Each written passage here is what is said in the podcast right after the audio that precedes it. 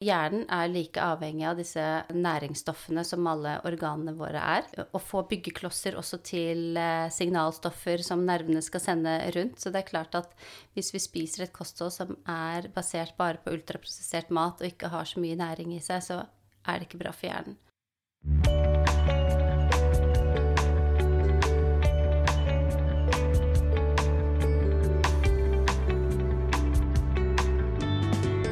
Hjertelig velkommen til podkasten 'Leger om livet'. Jeg heter Anette, og jeg jobber som lege. Jeg har laga denne podkasten for å gjøre nyttig og god og spennende kunnskap om kroppen vår og sinnet vårt lett tilgjengelig for alle. For jeg har trua på at når man har kunnskap om sin egen helse, så er det lettere å ta de valgene som er riktige for en selv. I dag så skal vi snakke om mentale lidelser, og hvordan maten vi spiser og livet vi lever kan påvirke vår mentale helse. Og med meg er jeg så heldig å ha den engasjerte og veldig kunnskapsrike legen og psykiateren Gunhild Melleby. Hun, Dr. Melleby hun formidler informasjon og inspirasjon til livsstilsendringer som kan hjelpe både vår fysiske og psykiske helse, og er opptatt av å se på hvordan livsstilen kan være årsaken til helseutfordringen vi har.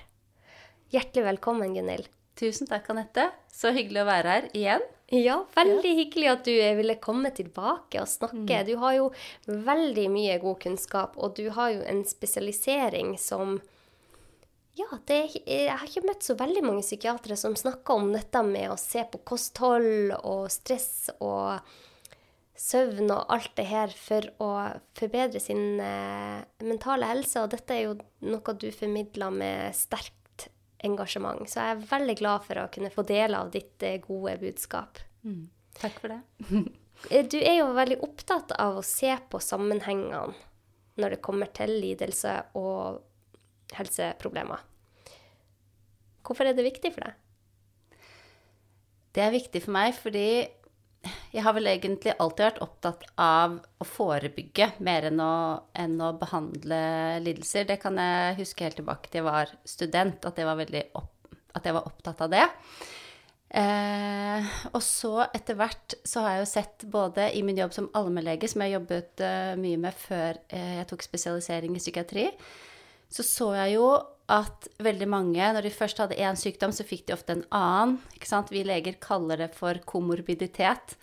Eh, har du revmatisk artritt, så er det 30% større sjanse for å få f.eks. depresjon. Og jeg har funnet ut etter hvert at denne komorbiditeten, den er ikke tilfeldig. Ikke det er en, ofte en underliggende ubalanse i kroppen eh, som gjør at vi blir syke. Og så har vi en tendens til i helsevesenet å behandle de enkeltstående symptomene. Ikke sant? Du behandler det høye blodtrykket hos fastlegen din, og så behandler du øyesykdommen hos øyelegen, og så psoriasisen, så går du til hudlegen.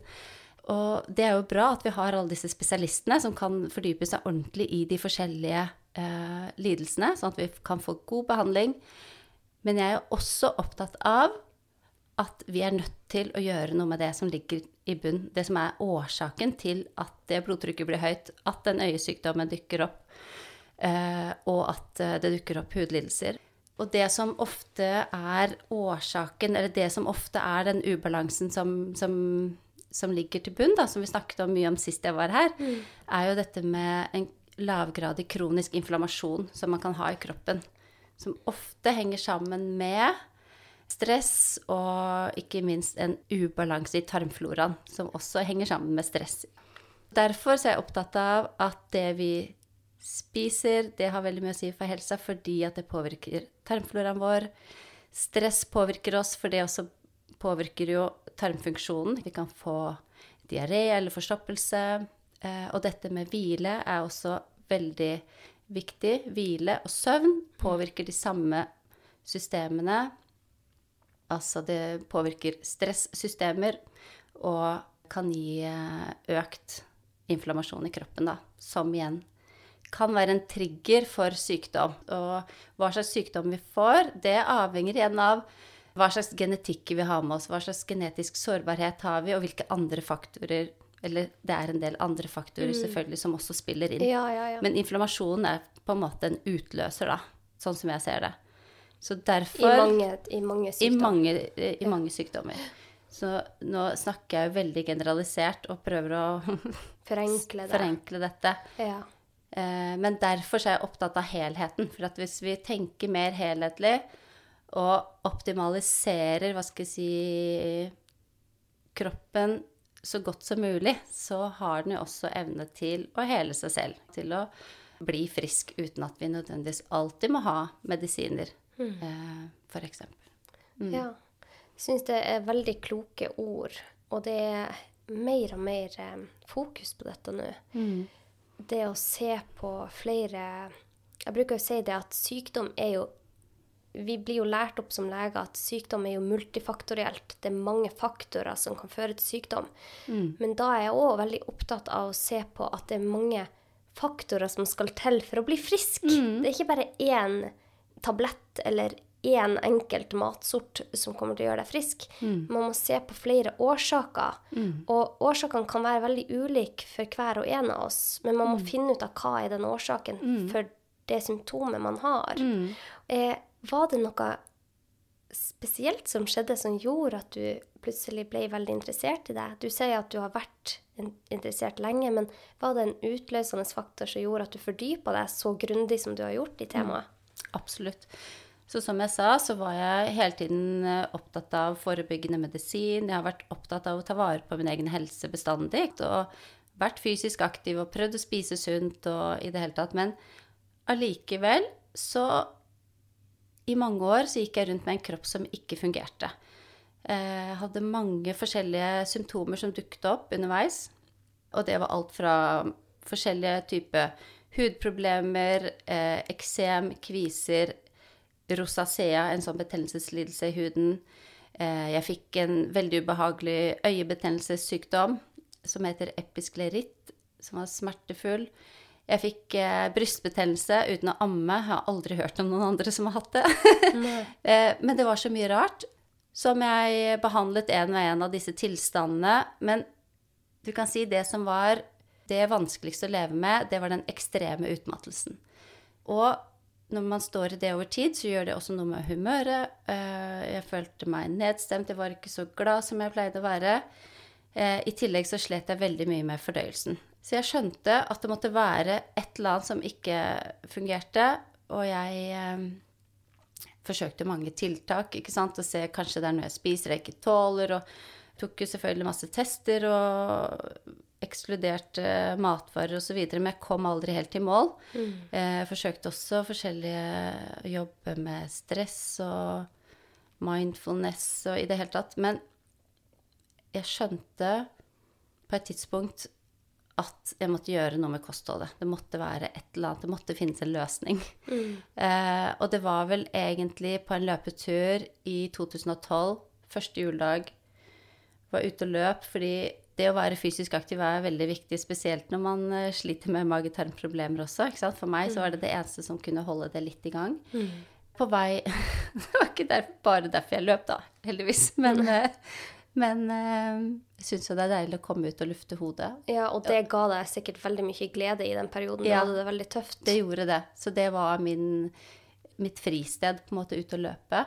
Og når jeg var halvveis i den løpeturen, så fikk jeg så vondt i en ankel og i hofta, og bare kjente at nei, jeg måtte stoppe løpet, jeg måtte gå hjem. Jeg bare tenkte nå kan jeg ikke løpe heller, denne kroppen fungerer ikke. Og jeg gråt og følte meg skikkelig langt nede. Og da gikk jeg rett hjem og begynte å google, begynte å søke på PubMed hva skal til for at jeg skal få det bedre. Og da først og fremst så søkte jeg på hva slags mat skal jeg putte i meg for å, for å bli bedre. Og det, og det, det var der det startet, da. Ok, så du gikk grundig til verks og Ja. eh, fant rett og slett en metode Ikke en metode, men du fant rett og slett en måte å få det bedre på som passa din kropp. Og du så det at du hadde problemer med tarmen som kanskje kunne ha en sammenheng med alle de, disse symptomene du hadde. Veldig interessant. Ja, hjalp det? Ja, det hjalp. Det gjorde det. Det tok jo litt tid, men eh, jeg fikk raskt litt bedring. eh, og så Eller ganske mye bedring. Og så stagnerte det kanskje litt, og så etter hvert så har det løsnet mer og mer. Og det er jo kanskje fordi akkurat i min situasjon så var, har melk også vært et eh, en problematisk matvare, som nok har vært eh, spesielt eh, i forhold til mm, å få tarmen til å fungere ordentlig.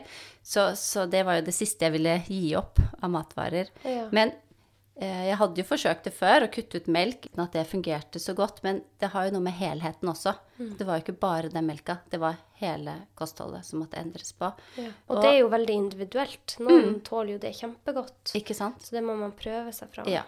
Men det tar tid. Altså jeg måtte være tålmodig og, og holde ut en stund. Hos noen tar det sikkert kortere tid, men det kommer jo an på hvor man er og når man starter. Hva er det du skal forbedre? Ikke ja. sant? Ja, ja, ja. Eh, Du hadde jo mange symptomer. hadde mange symptomer og var nok veldig sliten og veldig stresset og måtte ta tak i det òg. Men, men det å spise et mye mer variert og plantebasert kosthold har gjort underverket for meg. Eh, og jeg har ikke disse symptomene lenger som jeg snakket om i sted. Og jeg har mer energi, jeg har mer overskudd, og jeg er i jobb. Og det var jo det viktigste for meg, å liksom kunne komme tilbake til jobb. Ja. Og, og være i full jobb og gjøre det jeg har lyst til. Og når jeg ser Ja. på deg nå, så har jo du veldig mye energi, og, Ja. så nå føler du deg frisk. Nå føler jeg meg frisk. Og Mm. det er derfor du har så engasjement rundt å hjelpe andre òg. Mm. For du er jo psykiater. Det er jo mange som ikke vet det, men først tar man legestudiet, så skal man ta turnus, og så skal man spesialisere seg. Og det tar jo fem-seks år å spesialisere seg videre etter det for å Mm. bli psykiater. Og da blir man spesialist i da psykiske lidelser. Mm. Men du har tatt med deg erfaringene dine inn i dette, som Mm. jo, har jo sikkert vært en veldig en god kunnskap å ha med seg når du behandler andre. Mm. Eh, og vi skal jo snakke om dette med mentale lidelser. Og du fortalte meg om noe jeg ikke har eh, satt meg så inn i, at det er en ny bevegelse på gang som heter ernæringspsykiatri. Kan ikke du fortelle meg litt om det, for det syns jeg var kjempespennende. Ja. Eh, jeg har ikke sett noen andre i Norge som, som holder på med dette. Jeg har heller ikke brukt det inn i sykehuset i stor skala enda. Men internasjonalt så er det en voksende bevegelse. Eh, nutritional psychiatry, som en del psykiatere fronter. Og, det er skrevet en del bøker om emnet. Altså, det omhandler, som det ligger i ordet, hva kan ernæring eh, gjøre med oss for å styrke den mentale helsen. Det er gjort ganske mange studier etter hvert på at mat er ekstremt viktig f.eks. For, for å forebygge, men også reversere depresjon. Eh, og dette syns jeg er så spennende, og jeg håper jo etter hvert at vi får det også inn som, et, som en del av behandlingen ved norske sykehus. At det kan være noe man kan ha ved siden av f.eks. vanlig samtaleterapi hvis man kommer til en poliklinikk. Ja. Eh, så det ehm, Dette er jo enormt. mm, At man begynner å se på at ernæring har en sammenheng med depresjon. Bare for ti år siden var det jo ingen som snakka om det. Nei. Og det er jo og det er jo nesten litt rart at vi tenker sånn, eller at vi har tenkt sånn, at ikke det er noen sammenheng. Fordi at eh, hjernen er jo et organ på lik linje med hjertet vårt eller nyrene våre eller eh, tarmene for den del. Og det er jo ikke så rart at Altså Hjernen vår er jo like avhengig av- å ha god blodsirkulasjon, for levering av næringsstoffer og få nok oksygen, akkurat som hjertet vårt er for å være friskt. Ja. Og det er akkurat det ernæringspsykiatri dreier seg om, da. Eh, nettopp å se på hvilke næringsstoffer er det som skal til for at hjernen fungerer optimalt og får det den trenger. Og da kan vi forebygge sykdommer som oppstår i hjernen, og det kan jo være både nevrologiske sykdommer eller psykiatriske lidelser. Så man tenker at ved å gi kroppen god næring, så gir vi god næring til hjernen, og da vil hjernen også være mer motstandsdyktig, for å si det veldig enkelt. ja. Ja. Men eh, det er jo Du har jo masse forskning som underbygger det du sier. Og jeg snakka med Kaja Nordengen, hjerneforsker, eh, som snakker om akkurat det samme. Jeg ble så glad når hun tok opp dette med at for å styrke sin eh, også sin mentale og hjernehelse, så må man se på andre faktorer som kosthold. Så det er jo kommet mer og mer inn i feltet. Så da er vi jo inne på hvorfor skal vi styrke hjernehelsa vår? Hvis vi ikke har noen plager med hjernen vår, hvorfor skal man gidde å styrke den? Mm. Jeg tenker alle er jo Eller vil jo ønske å ha en hjerne som fungerer så godt som mulig. Så jeg tenker at det, det bør opp til alle. For vi ønsker jo å ha bedre konsentrasjon og fokus når vi er på jobb, eller uansett i livet. Eh, det kan hjelpe med hukommelsen. Vi ønsker jo å ha så god hukommelse som mulig. Eh, og ikke minst for å forebygge sykdommer. Sant? Forebygge eventuelle fremtidige sykdommer. Så det å ta vare på hjernen er jo like viktig som å ta vare på hjertet.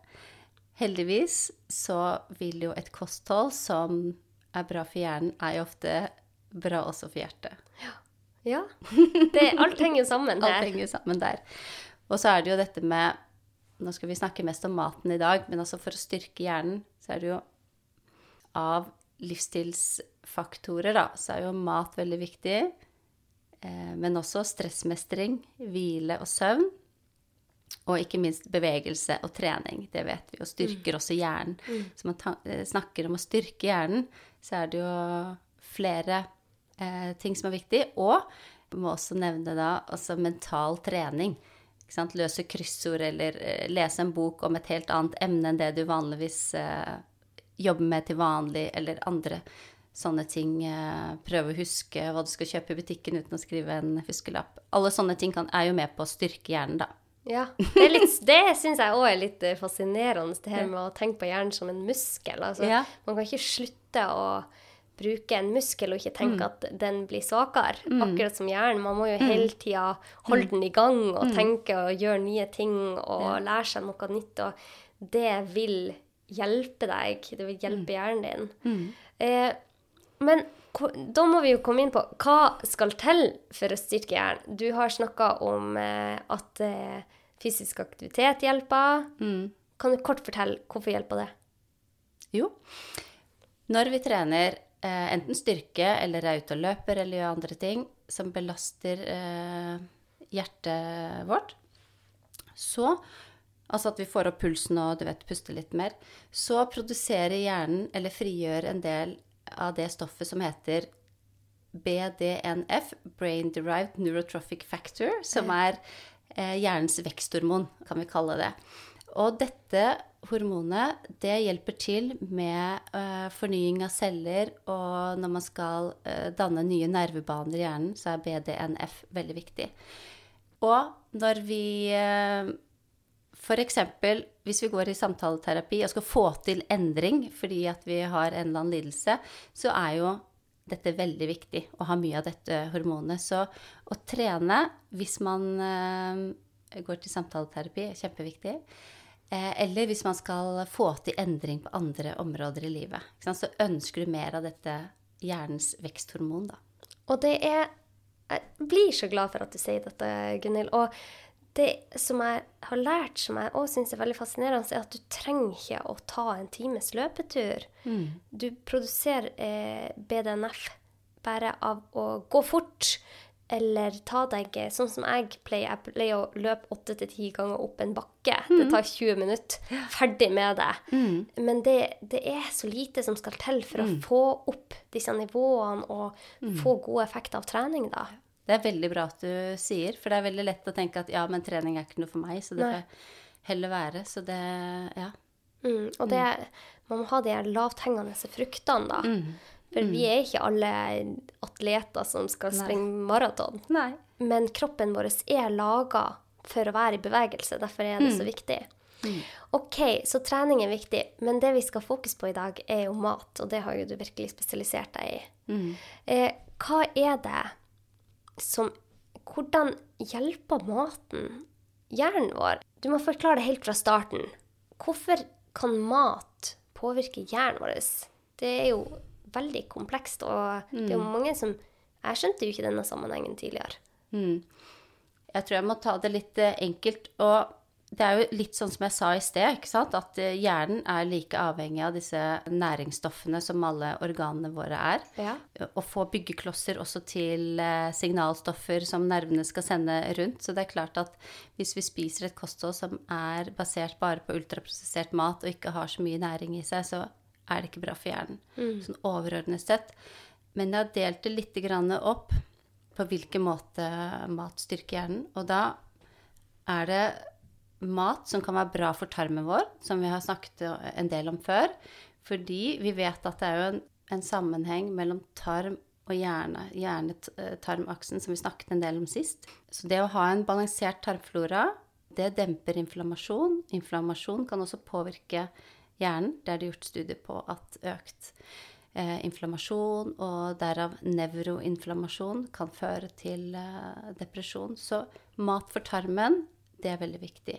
Og mat for tarmen, det er jo spesielt fiberholdig mat, altså fra planteriket. Ikke sant? Det er eh, grønnsaker og frukt og nøtter og bær og alt dette. Og det er også fermentert mat, altså fermentert kål som du kan lage hjemme, eller kefir eller yoghurt eller andre typer matvarer som gir disse probiotikaene, altså disse gode bakteriene for tarmen. Mm. Så et mangfoldig liv i tarmen, det er bra for hele kroppen, også for hjernen. Så det er det første punktet uh, av mat som er bra for hjernen.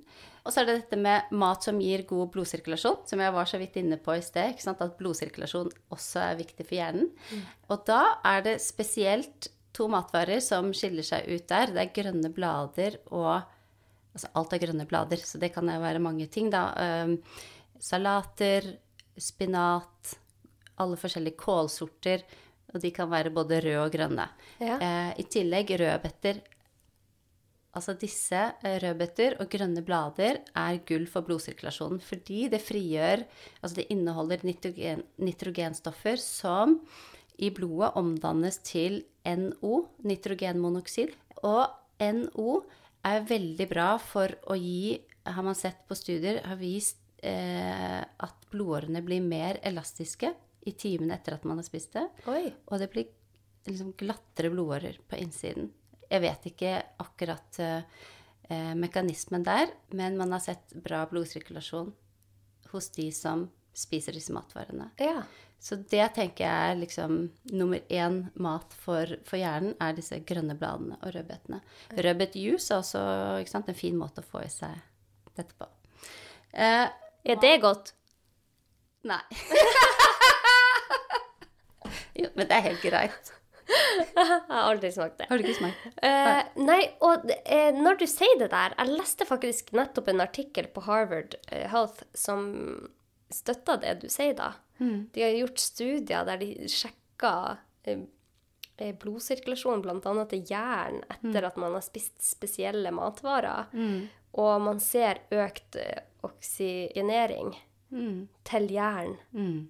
Noen timer etterpå. Det, jeg syns dette bare er så spennende. og Det er jo helt i starten av studiene, og det er kjempemye mer vi skal studere. Mm, men, men vi vet jo at det, Vi begynner i hvert fall å se sammenhengene. Mm.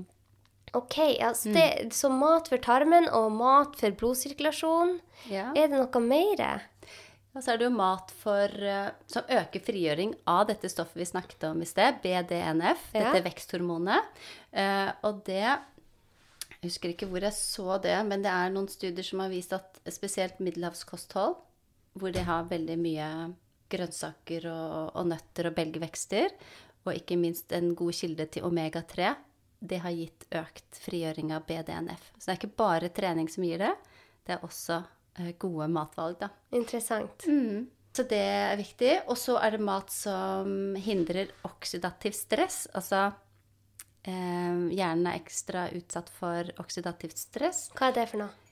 Eh, oksidativt stress er litt vanskelig å forklare på en enkel måte, men det er på en måte en vedvarende ubalanse mellom antioksidanter og reaktive oksygenforbindelser i kropp, i kroppen. Oi, det hørtes komplisert ut. Ja. Eh, Sånn at når vi ut, bare når vi spiser eller vi utsettes for eh, stråling fra sola, så, så slippes det ut frie radikaler i kjemiske prosesser i kroppen, og disse må fanges opp av antioksidanter. Ja. veldig enkelt og grovt, eller eh, sikkert ikke enkelt forklart, men veldig grovt forklart. Ja. Og antioksidanter finnes i alt som det er sterke farger eh, i. Så eh, her pleier jeg å si spis regnbuen, for da får du mange forskjellige typer. Og så er det sånn at antioksidanter kommer i mange former og har forskjellige navn. Eh, og de har ikke bare den jobben som å fange frie radikaler. De har også andre typer funksjoner i kroppen, og mange funksjoner som vi foreløpig ikke forstår. Men vi ser at hvis vi får i oss mange av disse typer antioksidantene, så gjør det noe bra for oss, og det er veldig bra for hjernen. Og for hjernen er det spesielt bra, som sagt, for å hindre dette oksidative stresset. Og vi snakker jo ofte om blåbær, at blåbær er bra for hjernen nettopp pga. dette. Men også andre typer bær med sterke farger vil gi det samme. Ja, så det antioksidanter, det er jo i utrolig mye Mm. mat som rett og slett kommer fra naturen, Mm. og som har bevart sin helhet. Og der har du bær, Mm. grønnsaker, frukt. Ja, Mm. veldig bra. Det går igjen, dette med grønnsaker og frukt. Ja, det gjør det. Og, og det siste punktet jeg har Jeg skal bare eh, si det i forhold til hva slags Når Nå jeg snakket om hva slags mat vi skal spise, så bare ett punkt om hva vi ikke bør spise så mye av, og det er jo dette med ultraprosessert mat. Ja. Og, og helst ikke for mye metta fett heller. Fordi at ultraprosessert mat kan gi Det er ikke bra for tarmfloraen og gir økt inflammasjon, sånn som vi har vært inne på før, da. ja. Mm. OK. Og så gir det jo ikke noe næring. Det gir jo ikke noen av disse byggeklossene som vi trenger, fordi at veldig mye av disse antioksidantene er jo tatt bort, fibrene er jo tatt bort. Sånn Ja. at eh, det, gir, det er jo tomme kalorier på en måte som bare forvirrer kroppen. Fordi at det er gjort så mye med maten eh, Altså ultraprosessert mat betyr jo at det er gjort så mye med, med maten at det er ganske langt fra sånn som den så ut når den vokste i naturen, til det ferdige produktet. Eh, og det kan jo forvirre immunsystemet vårt. ikke sant? Gjenkjenner ikke maten. Det kan se ut som en fremmed inntrenger, og så skaper det en inflammasjon, da. Det er noe jeg har hatt fokus på i flere episoder. Dere kan høre de episodene om ultraprosessert mat, men det er jo eh, flere og flere studier som viser hvordan det kan føre til sykdom, rett og slett. Så eh, jeg syns dette var fem veldig gode punkter. Jeg skal bare oppsummere det du sa. Mat som er bra for tarmen, er viktig for hjernen vår. Mat som er god for blodsirkulasjon. Mat som øker frigjøringa av Brain Derived Neurotrophic Factor, BDNF. Og mat som hjelper da mot oksidativt stress. Og unngå for mye ultraproserte og metta fett. Jeg syns det var veldig fint. Og i den artikkelen jeg nettopp nevnte fra Harvard, Harvard Health, så sa de Så skrev han om noen vitaminer og mineraler som var viktige for hjernen. Vet du noe om dette? Ja, altså det er gjort eh, en annen eh, studie også i forhold til disse næringsstoffene. For jeg vet ikke hvilken du henviser til nå, men, men det er jo en psykiater som er en, eh, en sånn kjent ernæringspsykiater, som heter Drew Ramsey eh, fra USA, som har skrevet en bok som heter Eat to Beat Depression. Og i den boka så har han også eh, lagt ved en sånn jeg vet ikke hva jeg skal kalle det på norsk, men det heter The Antidepressant Food Scale. Så han og en kollega har gjort eh, en studie hvor de har gått igjennom Det er en slags oversiktsartikkel hvor de har gått gjennom alt som mm, de har funnet om disse næringsstoffene i forhold til depresjon, da. Og så har de laget en eh, oversikt over uh, hvilke stoffer som er viktig å få i seg for å hindre eller forebygge depresjon. Og så har de laget en skala til som ser på hvilke matvarer er det, hvor finner vi disse. Og disse næringsstoffene For det var jo litt eh, svar på spørsmålet ditt, var det ikke det? Jo, men det, det er veldig interessant. Ja, eh, og det er jo De fant liksom de tolv viktigste eh, stoffene som vi trenger. Jeg kan jo kjapt liksom ramse de opp, da. Eh, og da er det jern og omega-3, magnesium, og så er det disse B-vitaminene, B12 og tiamin og folat. Eh, og så er det selen og kalium og vitamin A og C og sink. Ja.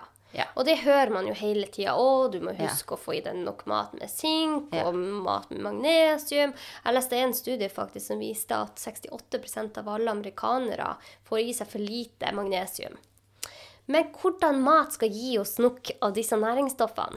Mm. For de er jo det er jo veldig mye forskning på dette med å ta multivitaminer, men det er ganske sånn Det er ikke så mye, mange studier som bekrefter at det faktisk hjelper. Men å få vitaminene gjennom maten er jo det aller beste. Ja, og det er et viktig poeng det med multivitaminer. For nå nevner jeg alle disse her, så tenker, er det veldig lett å tenke jeg tar multivitamin. Men sånn som eh, spesielt disse metallene her, jern eh, og sink, det trenger vi, men vi trenger det ikke i for store mengder. Det kan være farlig for hjernen å ha det i for store mengder, for det hoper seg opp, så vi blir ikke kvitt det. Ja. Så det er ikke bra å ta tilskudd med for mye sink og jern, er i hvert fall det jeg har lært. Ja. Eh, så å få det fra matvarer er mye bedre. Ja. Eh, han har laget en oversikt også over eh, disse matvarene. Og som du sa i sted, frukt og grønt, ja, det kommer veldig høyt opp. Eh, spesielt grønne blader. Øverst på den listen hans, eh, jeg har ikke den foran meg nå, men der står brønnkarse. ja. Og, og hva er det? Brønnkarse? Eh, det er eh, noen grønne blader. Eh, ser ut som en urte. Det er ofte i litt sånn oppskrifter hvis man søker på grønne juicer eller sånn. På engelsk heter det watercress. Men det er også sikkert mye brukt i USA, men jeg har ikke sett det så mye i Norge. Men heldigvis så kan man også finne ting på den listen som vi får tak i i Norge, og da er det jo alle disse grønne bladene igjen, da, med spinat og salat og eh, grønnkål og vanlig kål, og det kommer veldig høyt opp. Paprika kommer høyt opp, og mange andre typer brokkoli, rosenkål. Og så, eh, fra den animalske verden, så det som kommer høyest opp, er østers. Østers. Det spiser jeg ikke så veldig mye av. Østers, skalldyr, skjell er liksom var det topp. Ja. Eh, og så, når det gjaldt kjøtt, så var det innemat. Sikkert fordi det inneholder jern, men ikke sant, da igjen Hvis man spiser veldig mye av det, så er det lett å få for mye jern. Ja. Så jeg tror vi skal eh, tenke at når vi spiser kjøtt, så må det være ikke for mye og av god kvalitet. Og så prøve å få i seg veldig mye av alle disse grønne tingene og fargerike bærene. Så Ja, og jeg, jeg eh, følger jo en veldig flink lege som forsker på tarmflora og er veldig opptatt av dette med vitaminene og mineralene, Tim Spector. ja. Ja. Og han prøver jo å få i seg 30 planter ja. i løpet av uka. Mm. Og jeg tenkte 30, herre min, hvordan skal det gå? Mm. Og så begynte jeg å telle opp, da.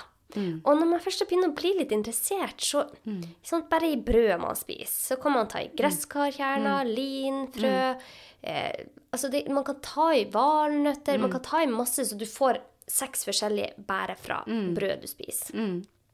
Og så er det jo havregryn, det er jo plante, Mm. havre. Så, så det er ikke bare frukt og grønt. Du trenger ikke Mm. spise 30 forskjellige frukt og grønt, for da er det jo veldig vanskelig å finne ut. Mm. Men gå gjennom det, det er litt interessant, for da, når du spiser såpass variert, så Mm. får du veldig mye forskjellige typer vitaminer, mineraler og næringsstoffer i deg som vil hjelpe deg å få nok av disse stoffene som vi trenger. Og da får du nok. Og det man må ha Så hvis du spiser variert, hvis du spiser 30 planter i uka, så er du på god vei. Ja, og du, du trenger ikke spise 30, altså det, men det, han Nei, er jo særs er interessert. en, eh, Jeg har også vært veldig opptatt av det. Jeg har hatt det som en sånn hashtag. Syns det er veldig morsomt. Ja. eh, som en utfordring. Eh, men så bør man jo da se på, ikke sant Får jeg nok omega-3? Hvor er omega-3-kilden min? Eh, og det er jo disse forskjellige frøene, f.eks. For Chiafrø, linfrø, valnøtter. Ja. Eller fet fisk. Eh, eh, En omega-3-tilskudd, Ja. tran. mm, det kan man også ta. Og det tar jeg selv. Ikke tran, men jeg tar eh, noen andre eh, kapsler. Eh, eh, og det er lettere å få i barna. Men man finner sin sånn omega-3-tilskudd. Da er man på den sikre siden. Så får man i seg det. Ja. Og så er det B12. Hvis man spiser eh, hovedsakelig plantebasert kost, så er det jo lite B12-kilde i et eh, sånt kosthold, og da er det viktig med tilskudd. Jeg ser også ofte B12-mangel hos folk som spiser kjøtt, selv om det er vår hovedkilde til B12.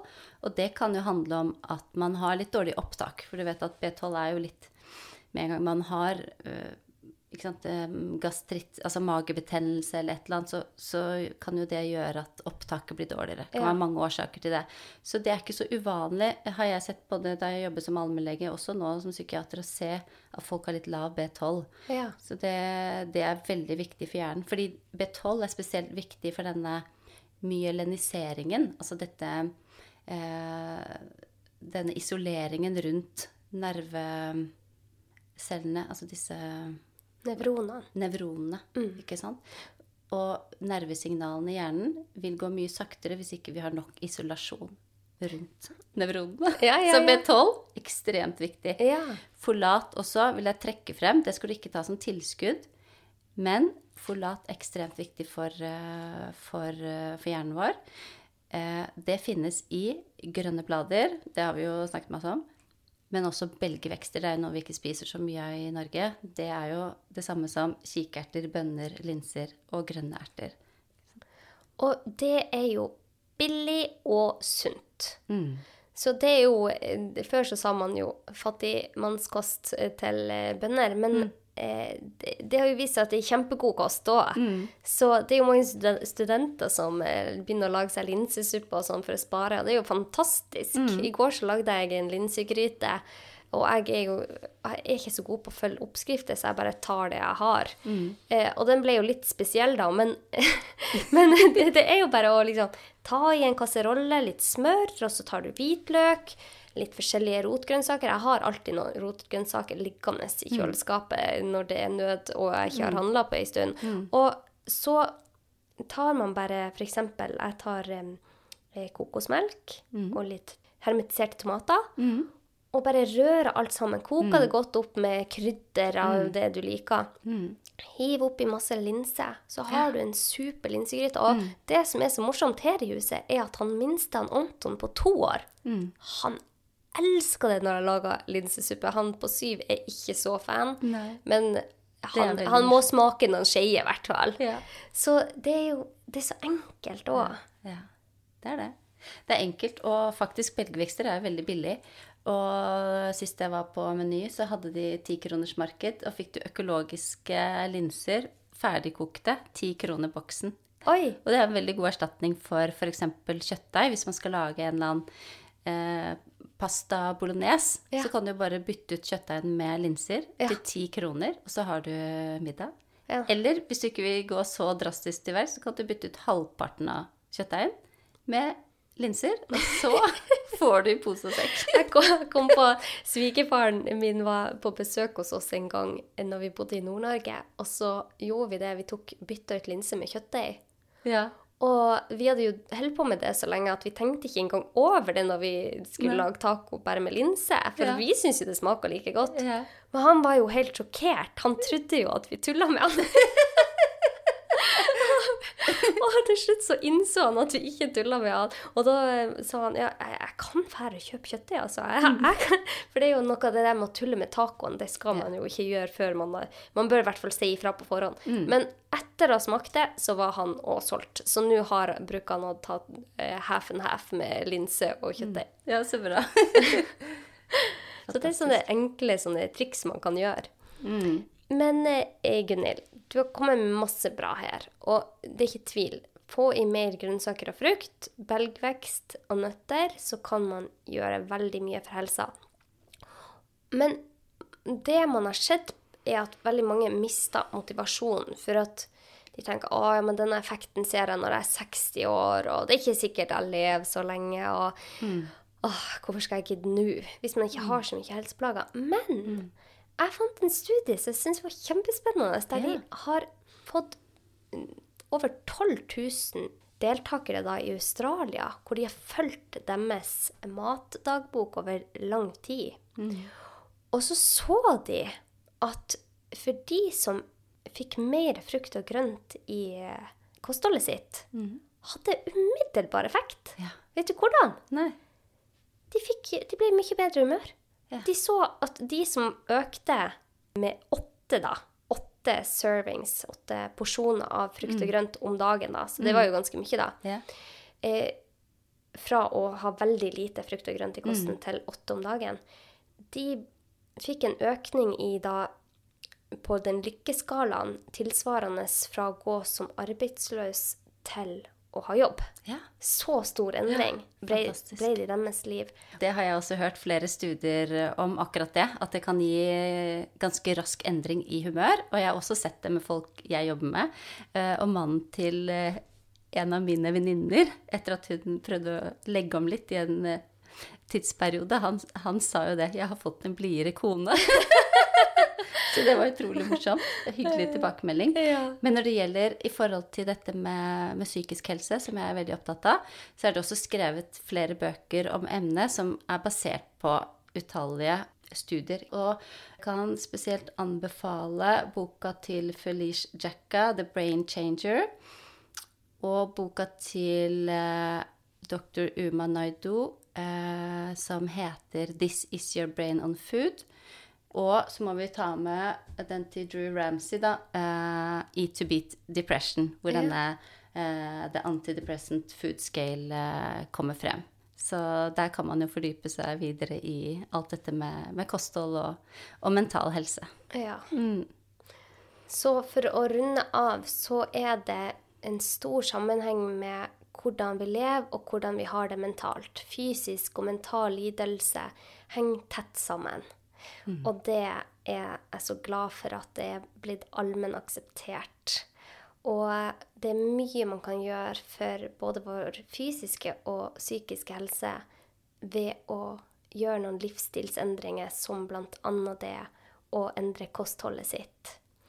Så jeg er så glad for at eh, jeg får lov å ha deg i studio, og jeg får lov å dele ditt gode budskap, eh, Gunhild. Hvis mine lyttere har lyst til å nå deg, hvor kan de finne deg? Eh, dere finner meg på Instagram. Eh, Doktor Gunhild. Det er Gunhild. Eh, på Facebook er det det samme navnet. Eh, og nettsiden heter drgunhild.no. Ja, Ja. så bra. Nei, men da eh, sier jeg tusen takk for at du ble med i dag. Takk for at jeg fikk være med, Anette. Så jeg håper jeg blir invitert tilbake. Det blir du. og hvis dere vil ta eh, kontakt med meg eller har noen tilbakemeldinger på denne episoden, kan dere bare skrive under episoden på Instagram eller Facebook. Og med det ønsker jeg dere en kjempefin dag. Ta vare på tarmen og hjernen. Ha det godt.